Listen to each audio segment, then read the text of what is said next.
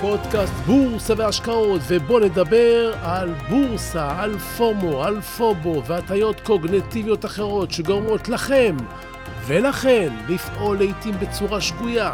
נדבר על בדידותו של המשקיע בבואו לקבל החלטות ועוד דברים מסקרנים, וגם טיפ מיוחד שלא חשבתם עליו למרות שהוא מול עיניכם. הפודקאסט בורסה והשקעות הראשון של המשקיעים בישראל. הפודקאסט שמסביר, מלמד, מבהיר ופוקח את העיניים שלכם לאירועים.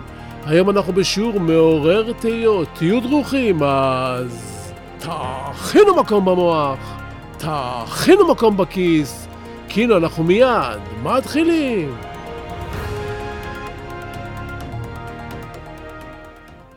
יום קיץ אחד ישב לו ארנב ביער, מחוץ למאורה שלו, והחל להקליד במרץ על המחשב הנייד.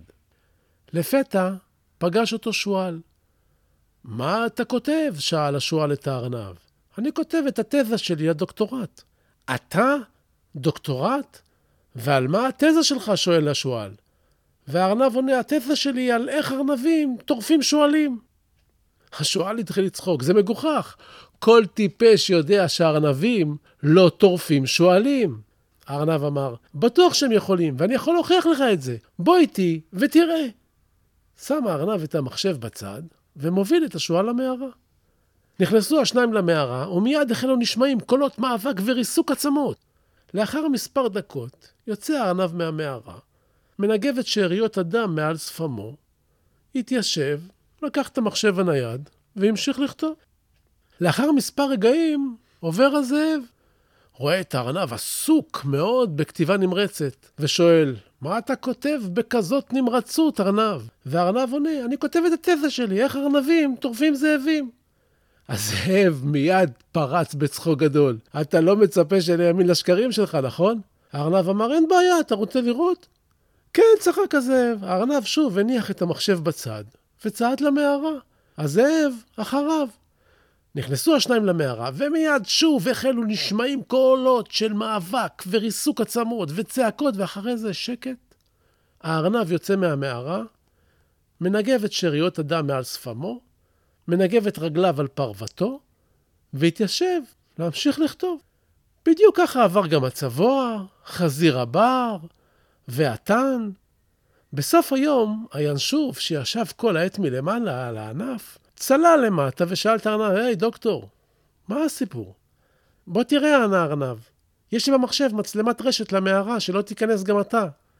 וככה הינשוף יושב, ומביט ורואה כי בתוך המערה, בצד אחד הייתה ערימת עצמות של זאב, של תן, של צבוע, של חזיר בר, ובמרכז ישב לו המנחה של הארנב, אריה ענק, צנוע, שבע ומרוצה.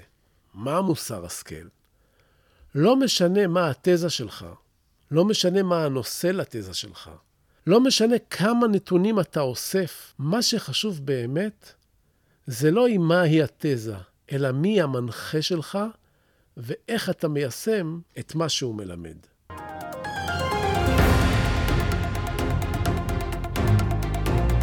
שלום וברוכים הבאים לפודקאסט חדש של בורסה והשקעות, הפודקאסט שמוציא אתכם מאזור הנוחות ומפתיע את קו החשיבה שלכם השכם והערב. אני צביקה ברגמן ואני שמח שוב לארח אתכם במערה שלי ולסייע לכם לכתוב את התזה שלכם על השקעות, לפתוח לכם קווי מחשבה חדשים בדרך להבנה מהירת עיניים. אחד הדברים שאתם חייבים להבין הוא שאתם לא יכולים להישאר בדיוק אותם בני אדם עם אותם כישורים ואותו ידע ולקבל תוצאות שונות בהשקעות שלכם. כמשקיעים אתם חייבים כל הזמן ללמוד, להשתפר ולהתקדם. להבין מה משפיע עליכם. זה מאוד חשוב. בפודקאסטים אני מנסה כל הזמן לתת לכם כלים חדשים ומשקפיים חדשים, כדי שתוכלו לשנות את זווית הראייה שלכם. לפתוח לכם ערוצי חשיבה חדשים. לפתוח לעצמכם שבילים חדשים ובלעדיים וייחודיים בהשקעות. יש שלושה סוגים של ידע. אחד, יש את מה שאתם יודעים. שתיים, יש את מה שאתם יודעים שאתם לא יודעים. שלוש, יש את מה שאתם לא יודעים שאתם לא יודעים. והצמיחה שלכם תמיד תגיע מסעיף שלוש, מנושאים שאתם לא יודעים בכלל שהם קיימים. אם חושבים על זה, בסופו של יום המשקיע די בודד בבואו לקבל החלטות. בסוף הוא לבד, אחראי, ניצב מול הפעולה שביצע ומחפש צידוקים. לא מעט משקיעים מחפשים בקבוצות מישהו לעקוב אחרי השקעותיו. יש לא מעט אתרים שמוכרים בתשלום אפשרות להציץ בתיקי משקיעים שעשו תשואות טובות. משקיעים אחרים משלמים בתקווה לחכות איזה קנייה או מכירה של השקעה ולהרוויח קצת פה, קצת שם. משקיעים מחפשים איזה טריק ייחודי, איזו שיטה בשלושה שלבים לעשות כסף כמו מישהו אחר. מחפשים טיפים, משהו, איזה נייר, יש לך משהו? אבל אני יכול לומר לכם שכל עוד תחפשו אחרי מי לעקוב ואת מי לחכות, לא תרוויחו כסף. משקיעים מחפשים תוכנה לניתוח טכני, איזה ברוקר מהיר ומזהיר, אבל בלי שתדעו איך עובד המוח שלכם והמוח של המשקיעים האחרים, אתם תמשיכו לחפש בחוץ את מה שאתם צריכים קודם למצוא בפנים, בתוככם. חלק מהבעיות של המשקיע בעת שהוא מגיע לקבל השקעות הן הטיות קוגנטיביות. על ההטיות הקוגנטיביות דיברו לראשונה שני מדענים ישראלים עוד בשנת 1972, כהנמן וטברסקי. הם גם זכו בפרס נובל. הם למעשה הוכיחו שהמוח שלנו לא פעם עושה קיצורי דרך וגורם לנו לבצע החלטות לא נכונות. מדוע חשוב להבין את התחום הזה? אם המוח שלך מבצע טעות בעת בחירת שוקולד, זה אמנם לא ממש משנה. אבל כשאתה משקיע 100 אלף שקלים והמוח שלך טועה, זה קריטי. אנחנו נוטים לקבל החלטות לא תמיד הגיוניות. ניתן דוגמה כדי להשחיז קצת את הקו חשיבה שלך. יום שישי בבוקר.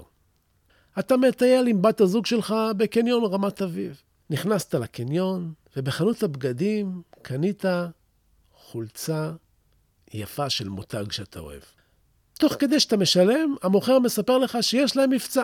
כל מי שרוכש בחנות מקבל כרטיס גירוד של חישגד. מגניב, אתה אומר לעצמך. שילמת, אתה לוקח את הכרטיס גירוד, יושב בבית קפה, מגרד, ויש, יש זכייה.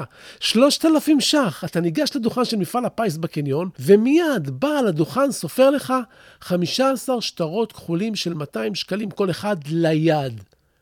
אתה מסדר אותם יפה, מקפל לשניים, שם בכיס וממשיך להסתובב.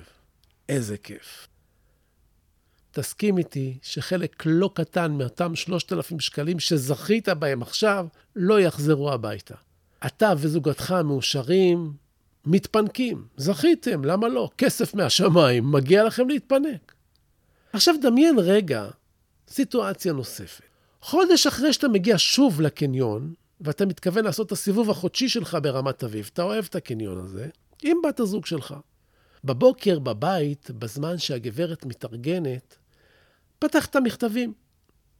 מכתב אחד הגיע מקופת הגמל שלך, ואומר לך שהרבעון הזה נוסף רווח של 3,000 שקל לחשבון של קופת הגמל. נו, זה ישנה את היקף הקניות שלך באותו יום? ברור שלא. אבל רגע, מה בעצם קרה פה? בשני המקרים נודע לך ש-3,000 שקל קיבלת ממקור לא צפוי, ובכל מקרה אתה תתנהג אחרת. ההטיות האלה מנהלות אותנו בחיים ובהשקעות. בואו נתחיל מההטיה הראשונה. ההטיה הראשונה שמה פומו. פומו זה הפחד של לפספס דברים. על ההטיה הזו למעשה בנויה תעשיית פייסבוק למשל. אנחנו נכנסים שוב ושוב לפייסבוק ולאינסטגרם כדי שלא נפספס משהו. איזה עדכון חשוב, איזה תמונה, איזה סקופ שכולם ידברו עליו. אנחנו נכנסים לראות מבצעים יומיים באתר שאנחנו עוקבים אחריו כדי שלא נפספס דיל מיוחד. אנחנו בודקים לעיתים קרובות את קבוצת הוואטסאפ שלנו, כדי לדעת מה קורה, שלא נפספס איזה פוסט או הודעה מעניינת. הפומו זה ראשי תיבות של fear of missing out, כלומר, הפחד לפספס. הוא מניע אותנו. לא מעט פעמים הוא מניע אותנו לבצע פעולות שהמוח שלנו לא חושב עליהן. הוא פשוט עושה קיצור דרך. אנחנו ניגשים לוואטסאפ פעם אחר פעם אחר פעם, ולאינסטגרם לפעמים 20 פעמים בשעה. אנחנו עושים את זה בצורה לא מודעת. זה מתגבר כשהפעולה הזאת מוגבלת בזמן, כשהתחושה של ההזדמנות היא עכשווית. אם לא עכשיו, אז נפספס את זה, ואנחנו לא רוצים לפספס. למשל, הסטורי שנעלם בפייסבוק או באינסטגרם שם לנו שעון. שם לנו שעון. אם לא נגיע בזמן, לא נראה, נפספס, זה נמחק. אתם מכירים את התחושה הזו, נכון?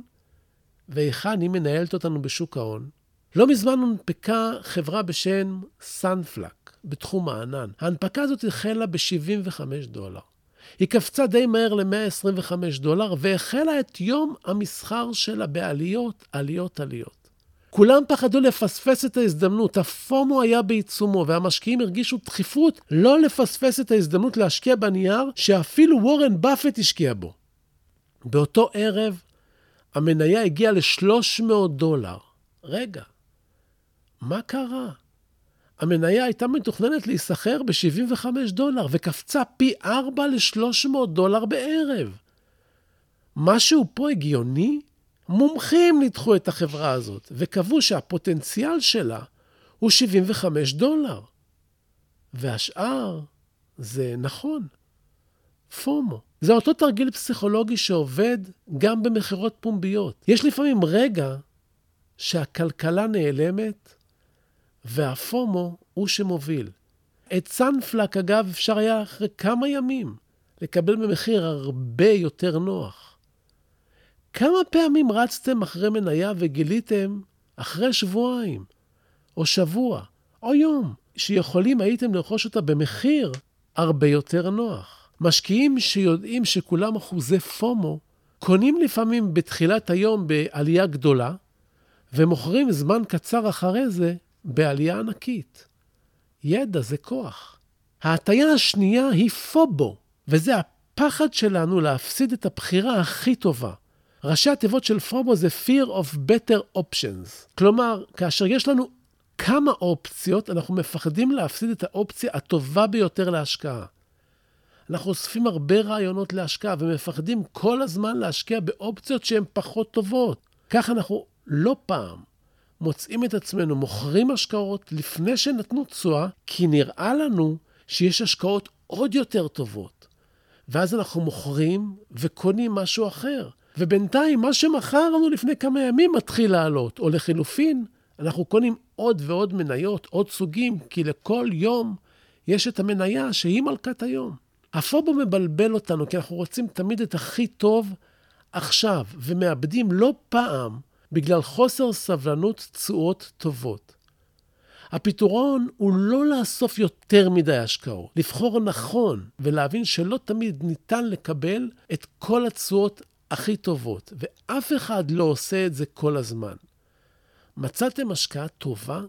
בדקתם? ניתחתם? חשבתם? החלטתם? תנו לה להשביח. אם תרוצו מנקודה לנקודה, אולי תבקרו בהרבה נקודות, אבל כסף לא תרוויחו. לפעמים עודף אפשרויות בחירה זו בעיה. זו הבעיה של הצעירים בתל אביב. מרוב בחירה הם לא בוחרים, ורבים מעדיפים בכלל לא, לא להתחתן. בקריית שמונה זה אחרת. אין יותר מדי בחירה. בנקודה זו נכנסת גם תופעת קבלת ההחלטות הפסיבית או האקטיבית. יש לך מניה שהפסידה למשל? רוב המשקיעים מעדיפים להיות פסיביים לגבי ההחלטה מה לעשות איתה. החלטה אקטיבית, כלומר, למכור, גורמת להם כאב מיידי, ומעדיפים לחכות, להיות פסיביים, שהיא תעלה לפחות עד המחיר שקנו. הפסיביות רק דוחה את הכאב. משקיעים מעולים הם כאלה שמקבלים החלטות בצורה אקטיבית. תזכרו את זה. לפעמים כדאי שיכאב הרבה לזמן קצר, ולא מעט להמון זמן. כמו שן כואבת. אתם תלכו לרופא שיניים, אולי זה יכאב קצת, וזהו. אבל אם אתם לא תלכו, זה יכאב אולי טיפה פחות, אבל הרבה זמן, ובסוף, בכל זאת תלכו. אז תחסכו את האמצע. הטיה נוספת שמתגנבת לנושא היא הטיית האישוש. קחו את מדינת ישראל. הליכוד אומר שצריך סגר לקורונה. האופוזיציה אומרת שלא צריך סגר לקורונה. עכשיו, לא משנה מה יעשו, ולא משנה מה תהיה התוצאה, כל אחד מהצדדים ימצא בהמשך סיבות להוכיח, לאושש, מדוע מה שהוא הציע היה נכון, ואפילו יביא הוכחות. משקיע מבצע פעולה, קנה מניה. לא משנה מה יקרה, המניה תעלה או תרד, תמיד תהיה לו סיבה מדוע זה קרה. הוא תמיד ימצא צידוקים לפעולה שהוא עשה. הוא לא טעה אם המניה ירדה. זה יהיה חוסר מזל, או מידע מוטעה, או כל דבר אחר. אנחנו מוצאים בתוצאה תמיד סיבה שתאשש שאנחנו פעלנו נכון, בעוד אנחנו צריכים להיות ניטרלים. לדעת לחקור את הסיבות, להסיק מסקנות, כדי שנצליח יותר. האישוש מרגיע לנו את רגשות האשם. אם אנחנו לא אשמים, אז אין מה לעשות, ואין מה ללמוד מטעויות. וזו הטעות הכי גדולה, לא ללמוד מטעויות. אנחנו בטוחים שאנחנו מתוחכמים וחכמים, אבל ההטיות משחקות איתנו כל הזמן. אפילו כשאנחנו הולכים לקנות מוצר חשמלי. אגב, כשאתם באים לרכוש טלוויזיה, למשל, איך הכי נכון למוכר למכור לכם את הטלוויזיה שהוא רוצה? זו שהוא מרוויח עליה הכי הרבה. אם הוא רוצה למכור לכם מסך של 70 אינץ' ב-3,000 ש"ח, מה הוא יעשה? הוא יציג לך קודם כל מסך של 70 אינץ' ב-9,000 ש"ח, ועוד מסך של 70 אינץ' ב-1,000 ש"ח, ויאמר לך בערך ככה, המסך ב-9,000 שקלים, רואים בו נהדר, אבל הוא יקר מאוד, זה לא מצדיק את המחיר. בזבז כסף. המסך ב-1,000 שקלים, רואים בו, אבל לא הכי איכותי, גם יש הרבה בעיות, הרבה חזרות. אבל המסך זה שב-3,000 שקל, המחיר שלו הגיוני, ורואים בו יופי יופי. מכרתי הרבה וכולם היו מרוצים. איזה מסך תקנה? נכון. הטיה נוספת היא תופעת העדר, עליה דיברתי באריכות בפודקאסט הקודם. כשהעדר חושב שהשוק יעלה, הוא יעלה. משקיעים פועלים על סמך מה שהם חושבים, או על סמך מה שהרוב חושב עבורם. יש להטיה הזאת משקל גדול, ותוכנות שלמות של algo-trading, עליו אני אעשה פוסט בהמשך, מחפשות את תנועת העדר דרך מדד הפחד ופועלות לקנות רק לפי תזוזת העדרים. עוד הטיה היא הטיית הקשב. משקיע עוקב אחרי מניה של טסלה או אפל, הוא חג סביבם כל העת. הם מושכים את כל הקשב שלו כל הזמן. מה קורה בטסלה, מה קורה באפל, עלתה, ירדה, יש הודעה, אין הודעה, המניה עשתה ספליט, לא עשתה ספליט, למרות שיש אולי עוד מניות שיכולות לתת תשואות טובות. משקיעים בדרך כלל נתפסים על מספר קטן של מניות, ונשארים איתם הרבה אחרי שהם כבר לא ההשקעה הכי טובה בעיר. אז מצד אחד יש לנו את תופעת הפובו, שאומרת אל תתפרס מדי, ומצד שני יש לנו את הטיית הקשב שאומרת לנו אל תיתקע. ואתה המשקיע חייב לדעת מתי לפעול בשום שכל. ההטייה הזאת קורית כל העת. אם זוג התחתן והאישה נכנסת להיריון, הם פתאום רואים מלא זוגות בהיריון. אם אתה רוצה לקנות מרצדס, פתאום אתה שם לב שיש הרבה מכוניות מרצדס על הכביש. קשב, זה כל העניין. יש גם החלטות עם אינטואיציה. אתה מרגיש שזה נכון, תחושת בטן, אתם מכירים את זה. אבל מתי הן נכונות? רק כשיש לך רקע רב בתחום. משקיע שרק הגיע לשוק ההון, לא יכולה להיות לו שום אינטואיציה לגבי השוק. שום תחושת בטן שהיא טובה מהימור. משקיע ותיק בשווקים, שכבר ראה שנים, יש לו בהחלט אינטואיציות שיכולות לאותת לו על כיווני השקעה. אבל משקיע חדש, תחושת בטן, כאב בטן. ההטייה האחרונה להיום היא הטיית ההוצאה האבודה. יש לנו נטייה להמשיך במשהו שכבר השקענו בו. קנינו מניה וירדה ב-10%, אנחנו קונים עוד. היא ממשיכה לרדת. הסיכוי שנמכור את המניה הזאת שואף לאפס, כי השקענו בה כבר הרבה. ההיגיון אומר, השקעה אבודה, שחרר. אבל אנחנו נוטים להיאחז, כי אנחנו כבר מושקעים ושוקעים בה. אין פה שום היגיון כלכלי, רק הטיה שמנהלת אותנו. ואם נבין וניישם רק את ההטיה הזו, דיינו. מעט מאוד יודעים למכור לצאת ולהתקדם. השקעת, הפסדת, זה קורה לכולם, אבל מעט יצליחו לדלג מעל ההטייה הזו שמנהלת אותנו. זה קורה בכל תחומי החיים. אדם לומד שנתיים לתואר ומגלה שהוא לא ממש אוהב את התחום, אבל הוא כבר השקיע. אז הוא ממשיך ללמוד, ומוציא תואר, והוא עוסק במשהו שהוא לא אוהב לפעמים כל החיים. אדם עובד במקום מסוים כבר כמה שנים, לא טוב לו שם, למרות שהוא התקדם קצת, אז הוא נשאר, כי הוא כבר השקיע, מכירים אותו. תלמדו לעצור אחרי שההשקעה לא הולכת בכיוון שרציתם ותשאלו את עצמכם, האם הייתי נכנס עכשיו להשקעה הזאת במצב הנוכחי? תמחקו את העבר, תמחקו את למה נכנסתם ומה קרה. תמחקו את העבר לרגע ותנסו לקבל תשובה כנה. האם הייתם באים עכשיו להחלטה, מה הייתם עושים? תהיו כנים עם עצמכם ותפעלו לפי התשובה. כשאתה מודע להטיות, הן כבר לא מנהלות אותך, או פחות מנהלות אותך. אתה מתקדם עוד שלב בדרך להיות משקיע בעל חשיבה עצמאית. זה סוף הפרק, אבל לא סוף הסיפור. אני עוד אשוב לדבר על הנושא, על הטיות נוספות עם דוגמאות נוספות. ואתה, אתם, פעם חשבתם שהשקעות זה דבר פשוט, מה? לפני פינת הטיפים שלנו, יש לי שאלה שאני אשמח שתענו לי עליה דרך האינסטגרם, או הפייסבוק, או המייל. כל אלה מפורסמים בקצה הפודקאסט, כל הכתובות. השאלה שלי היא, האם מדי פעם הייתם רוצים להאזין גם לפודקאסט שהוא לא קשור ישירות לבורסה, אלא כלים נוספים שיוכלו לעזור לכם ולקדם אתכם, כמו מטרות, מוטיבציה, כלכלה שימושית?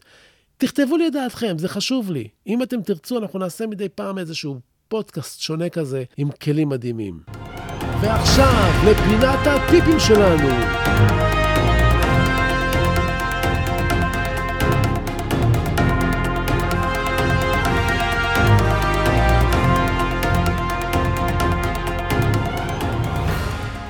היום אני רוצה להציב בפניכם נקודה מעניינת להשקעה, שרובכם אולי לא חשבו עליה למרות שהיא מול העיניים שלכם. אני לא אומר לכם לרוץ לקנות את נושא הטיפ, אלא מה שאני רוצה שתלמדו זה לחשוב, אוקיי? אנחנו רצים אחרי חיסון לקורונה כבר חודשים. מודרנה, פייזר, אסטרזינקה, מי תפתח את המוצר, מי תצליח, מי תפתיע, במי נשקיע. הרבה שאלות, נכון? אבל תגידו, מישהו מכם חשב לרגע, או חקר, במה ישימו את החיסון בדרך למתחסן? אותו בקבוק הון קטן, מי מייצר אותו? מי מרוויח מייצורו? הבקבוקים האלה, לא מדובר כאן בזכוכית רגילה, הם עשויים מזכוכית מיוחדת שמצליחה לשמור על חומרים חזקים שקוראים לה בורוסיליקט. אולי יש גם בקבוקים נוספים שאפשר לשמור בהם חיסון? עשיתם בירור? ומה לגבי מיליארדי המזרקים? הרי לא ידוע מי ימצא את החיסון, אבל בשלב זה, מי מייצר בקבוקונים ומזרקים, כבר אפשר לחפש. אני כמובן לא ממליץ להשקיע בחברות הללו כלום, או חלקן, אני רק מביא לכם דוגמה לצורת חשיבה שהייתי רוצה שתאמצו. ובסיום, אני שב ומציין כי אין במה שאני אומר המלצה מקצועית או ייעוץ מקצועי, אלה תמיד כדאי לקבל מיועץ מוסמך עם רישיון. לי אין, אני רק משתף אתכם במה שאני חושב. אני קונה מניות ומוכר מניות, ולפעמים גם כאלה שאני מדבר עליהם פה, אז רק שתדעו. אז זהו לנו להיום, אני מקווה שנהניתם והשכלתם. תודה על התגובות החמות, תודה על השיתופים. תמשיכו להפיץ וככה נגדל.